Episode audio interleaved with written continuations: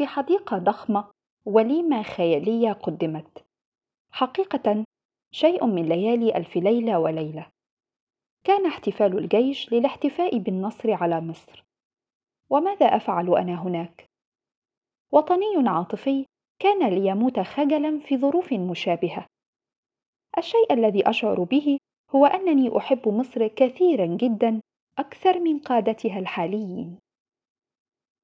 رواية واحدة بتقراها الغالبية بوصفها سيرة ذاتية لكاتبها. رسائل شخصية يصل عددها إلى خمسين بث فيها آراء صادمة في الكتابة والحب والحياة. قصص قصيرة مدهشة ومبعثرة بين قصصات الصحف ما بتختلفش أجواءها كتير عن طابع السيرة.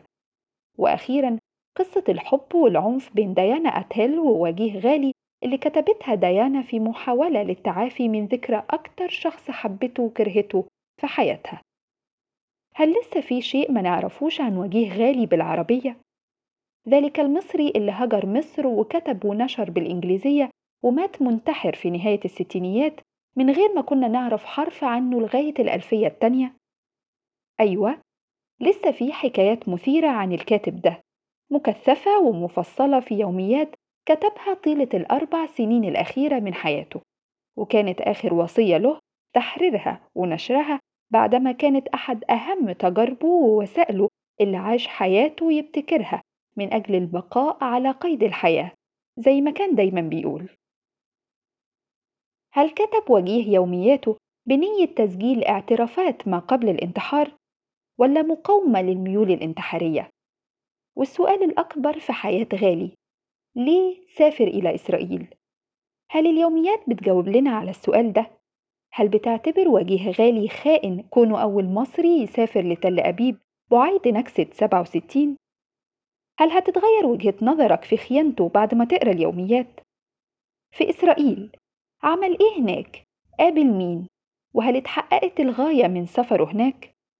لما رجع هل استمرت علاقاته بالإسرائيليين؟ هل لانتحاره علاقة بسفره إلى إسرائيل؟ إزاي تعاملت السلطات المصرية مع مواطنها المارق وجيه غالي؟ وأخيرا خائن وطني مضطرب نفسيا مواطن عالمي إيه أكتر لقب هتشوفه ملائم لوصف غالي بعد ما تخلص قراية اليوميات؟ كل دي وتفاصيل تانية هنعرفها وإحنا بنستعرض يوميات وجيه غالي بحسب النسخة المطبوعة والمحررة منها في مجلدين صدرا عن الجامعة الأمريكية بالقاهرة في 2016 ومن المنتظر صدورها قريبا في ترجمة عربية بتوقيع محمد الدخاخني عن دار نشر الكتب خان في مصر. أنا إيمان علي وده بودكاست الصالون.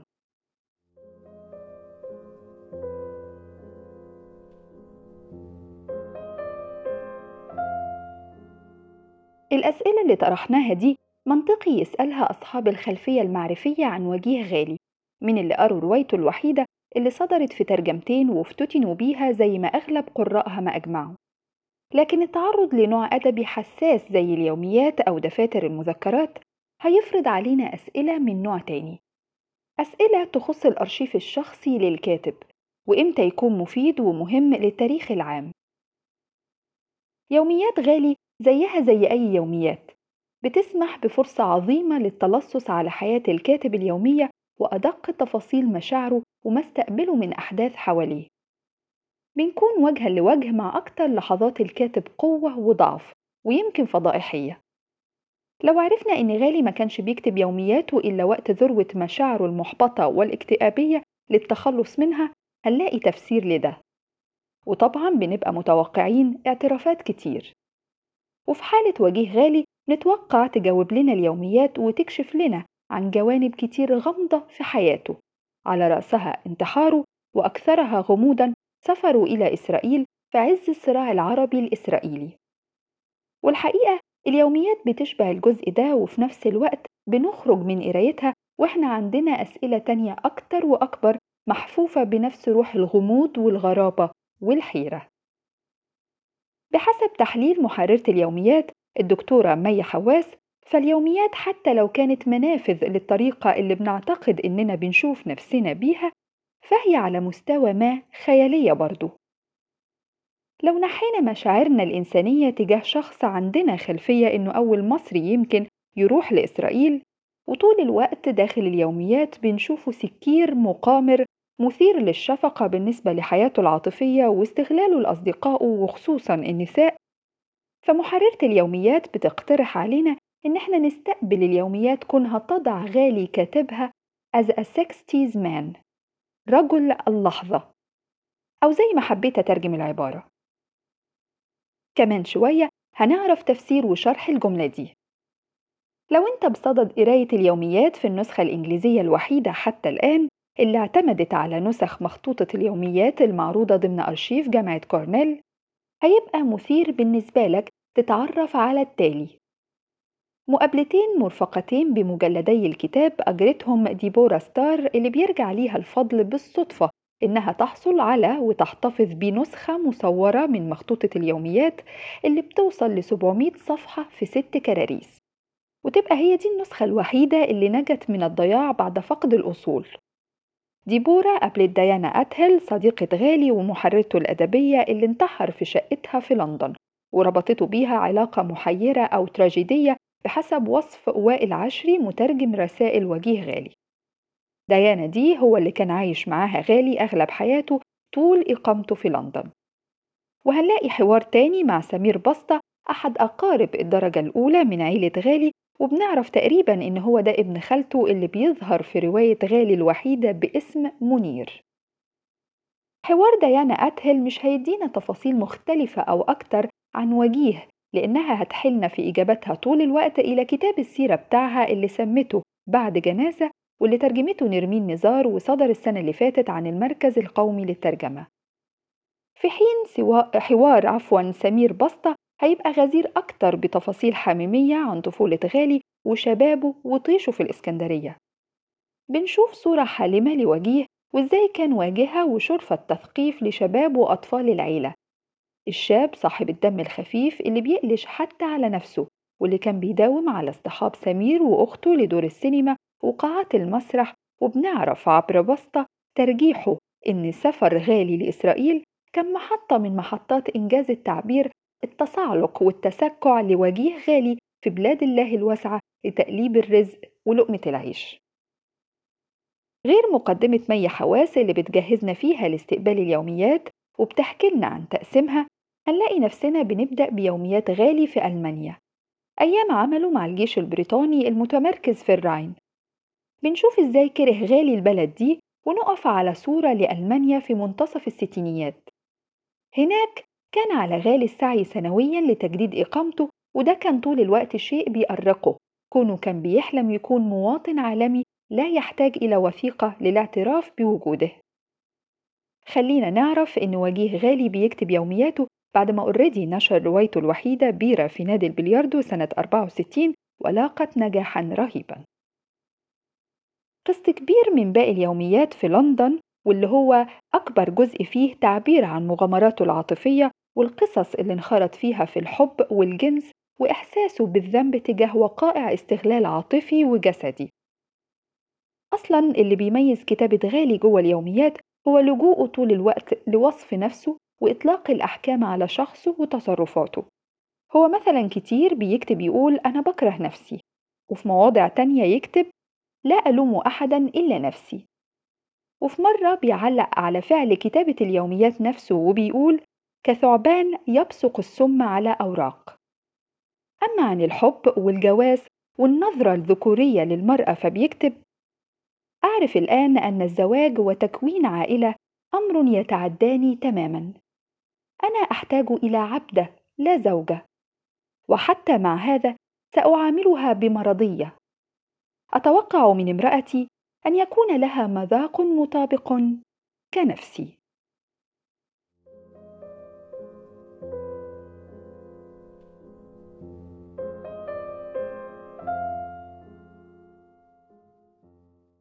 الجزء الأكثر إثارة ويهمنا هنا هو يوميات تل أبيب واللي فضلت المحررة من واقع كلمات جت على لسان غالي جوه الجزء ده من اليوميات إن تعنونها بتراجيديا ومصائب أو مآسي وكوارث. هي تراجيديا على كافة المستويات كما يصف غالي نفسه سواء على المستوى المحلي أو العالمي وحتى على المستوى الشخصي.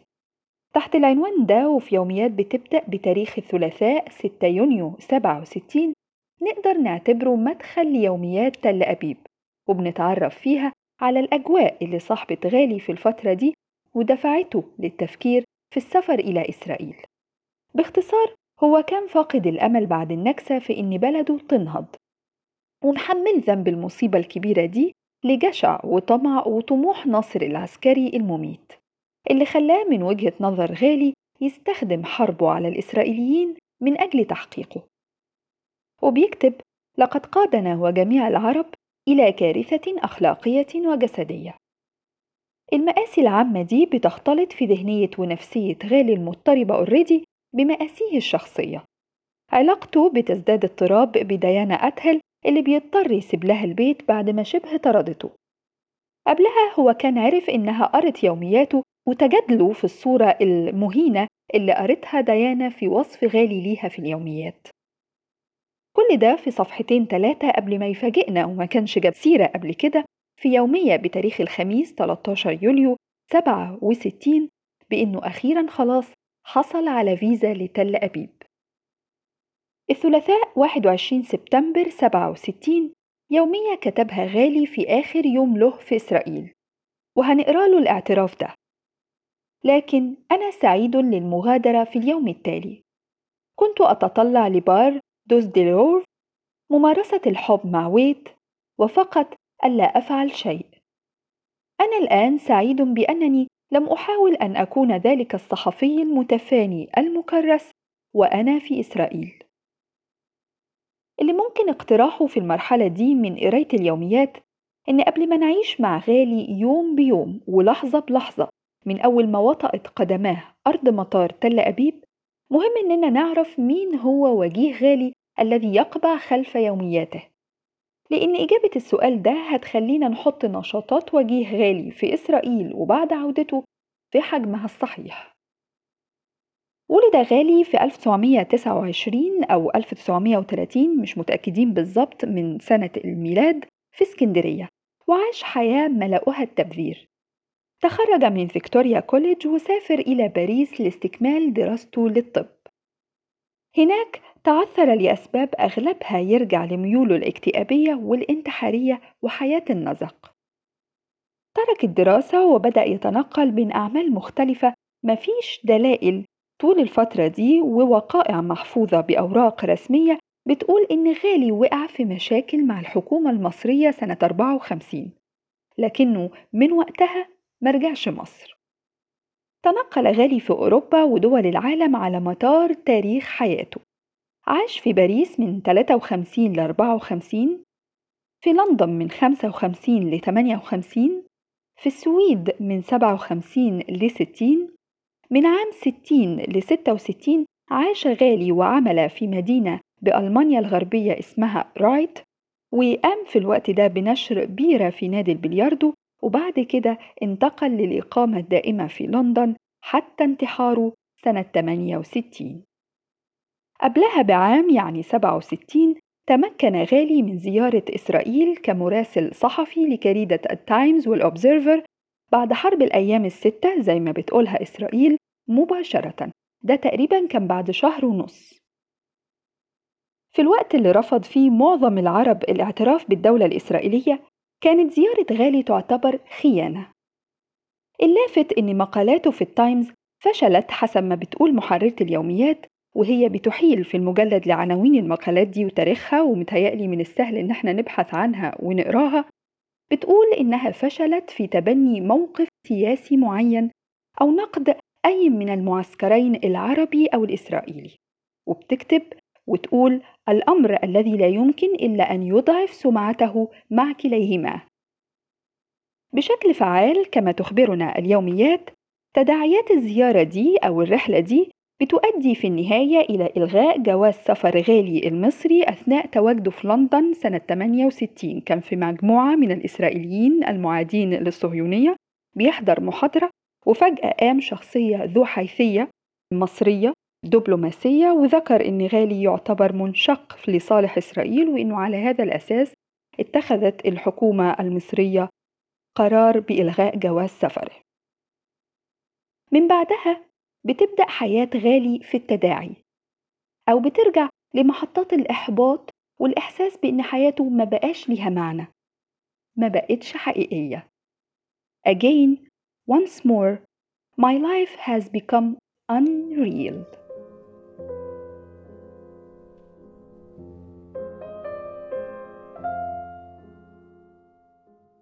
الفترة دي كان موقف غالي وأمره بيزداد غموض بالنسبة لأفراد عيلته وأصدقائه المقربين وكان شغفه بالأحداث السياسية محير فعلا.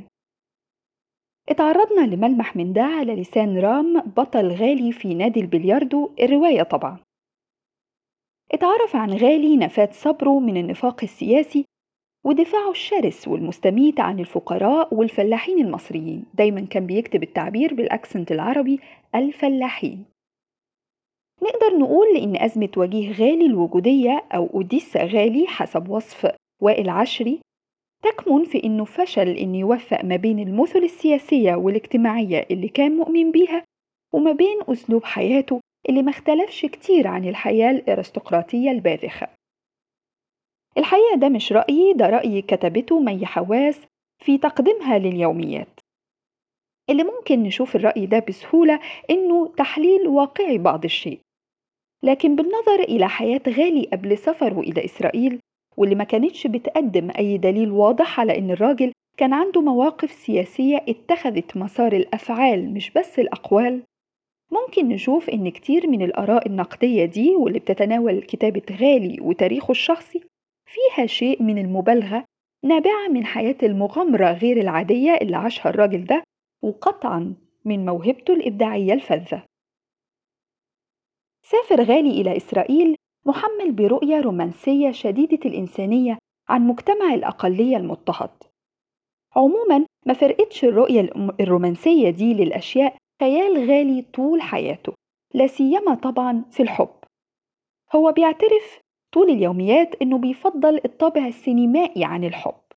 ودي نظرة ممكن نبرر بيها تجاربه الحسية والجسدية المتعددة اللي فيها الجموح أو الجنس اللامنضبط.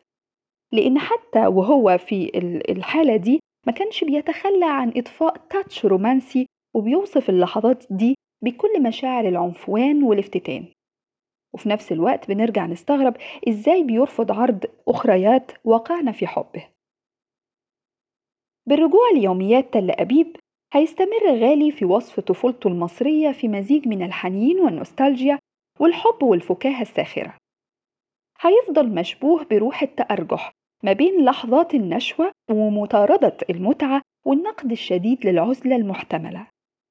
في وسط ده كله بنقرأ تعليقات الراجل على صعود حزب العمال وحملة نزع السلاح النووي في بريطانيا وبيستدعي أجواء الحرب العالمية الثانية ومقارنتها بالحرب الأمريكية في فيتنام والفصل العنصري في جنوب إفريقيا والحروب العربية الإسرائيلية بالطبع وإعلان الاستقلال من جانب واحد في زيمبابوي وإرث الحرب الأهلية الإسبانية سنة 38 وحرب الاستقلال الجزائرية.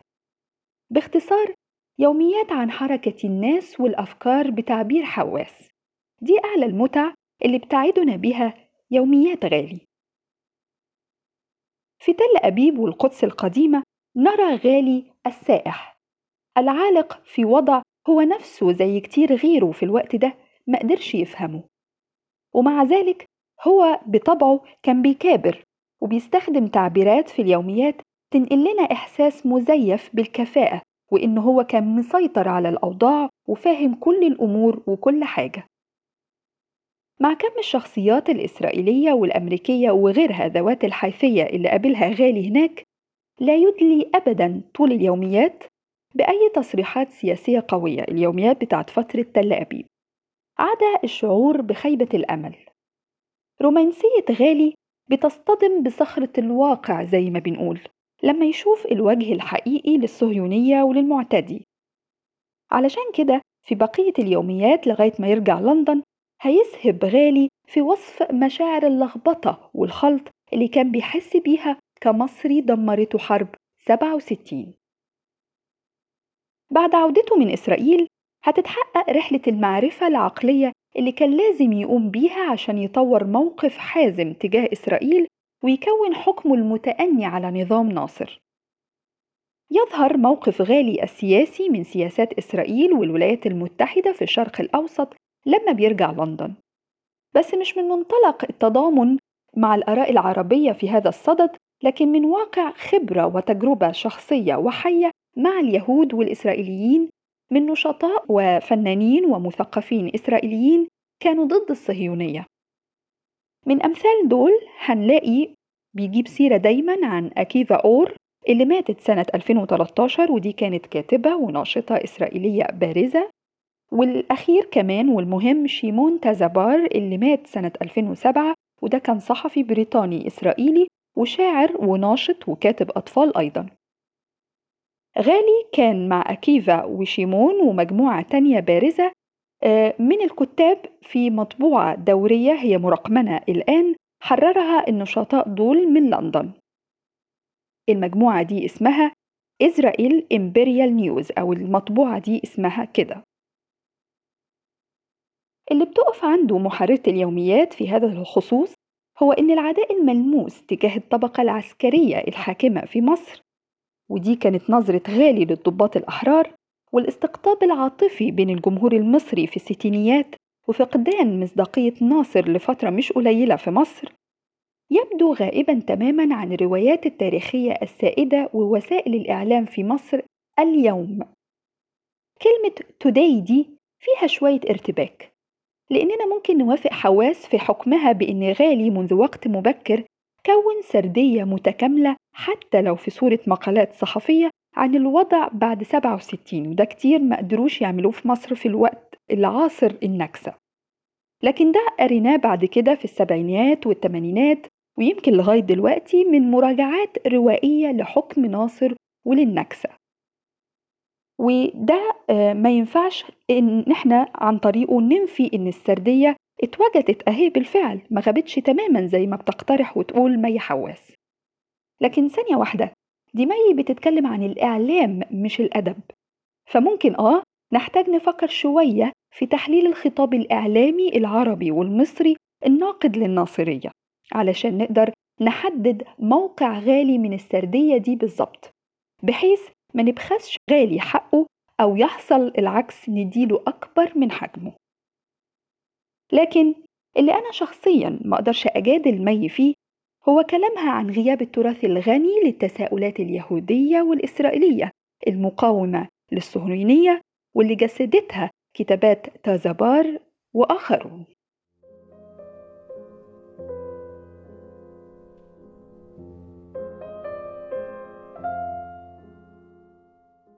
على الرغم من إن غالي بيبدأ اليوميات وهو بيشرح إنه بيكتبها عشان ينقذ نفسه من الجنون إلا إنه في الأقسام الأخيرة على وجه الخصوص بنشوف منحنى الصعود نحو النهاية وبيعبر في مذكرته الانتحارية آخر يومية بتاريخ 26 ديسمبر 68 عن الإحساس بالعدمية واليأس اللي بيتملكه على الرغم من اعترافه بالدور اللي لعبته اليوميات في حياته وإزاي خففت الكتابة من مشاعر الاستياء. وإزاي أزاحت الجهود اللي كان يرغب في توجيهها لكتابة رواية. هو قبل كده كتب عن اليوميات دي بيتأملها وبيتأمل فكرة الإقدام على كتابة يوميات من الأساس وبيشوف إنه كان من الضروري يسجل كل حاجة عملها وحصلت له لأنها ما كانتش هتحصل وما كانش هيكتبها لو ما كتبهاش بالفعل. جنون محض يا إلهي كيف يمكن لأحدهم العيش من دون الاحتفاظ بيومياته. في ختام كلام مي تقدم اليوميات رواية صادقة وفريدة في السير الذاتية العربية عن الهوس بالتفاصيل الغريبة غير المهذبة أحيانا وعن الافتقار إلى المواقف السياسية المتسقة وعن معنى العيش من أجل متعة الفرد.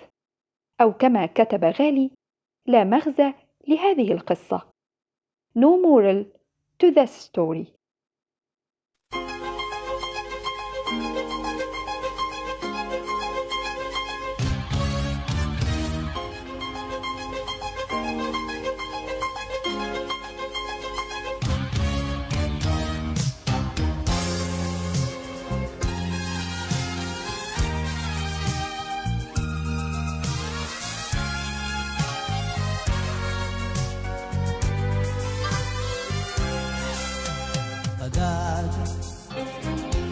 כמשעול אל העין. בדד, בנתיב ללא כלום. בדד, עם הזמן הבורח, והזמן לא שוכח, להציב את הגבול.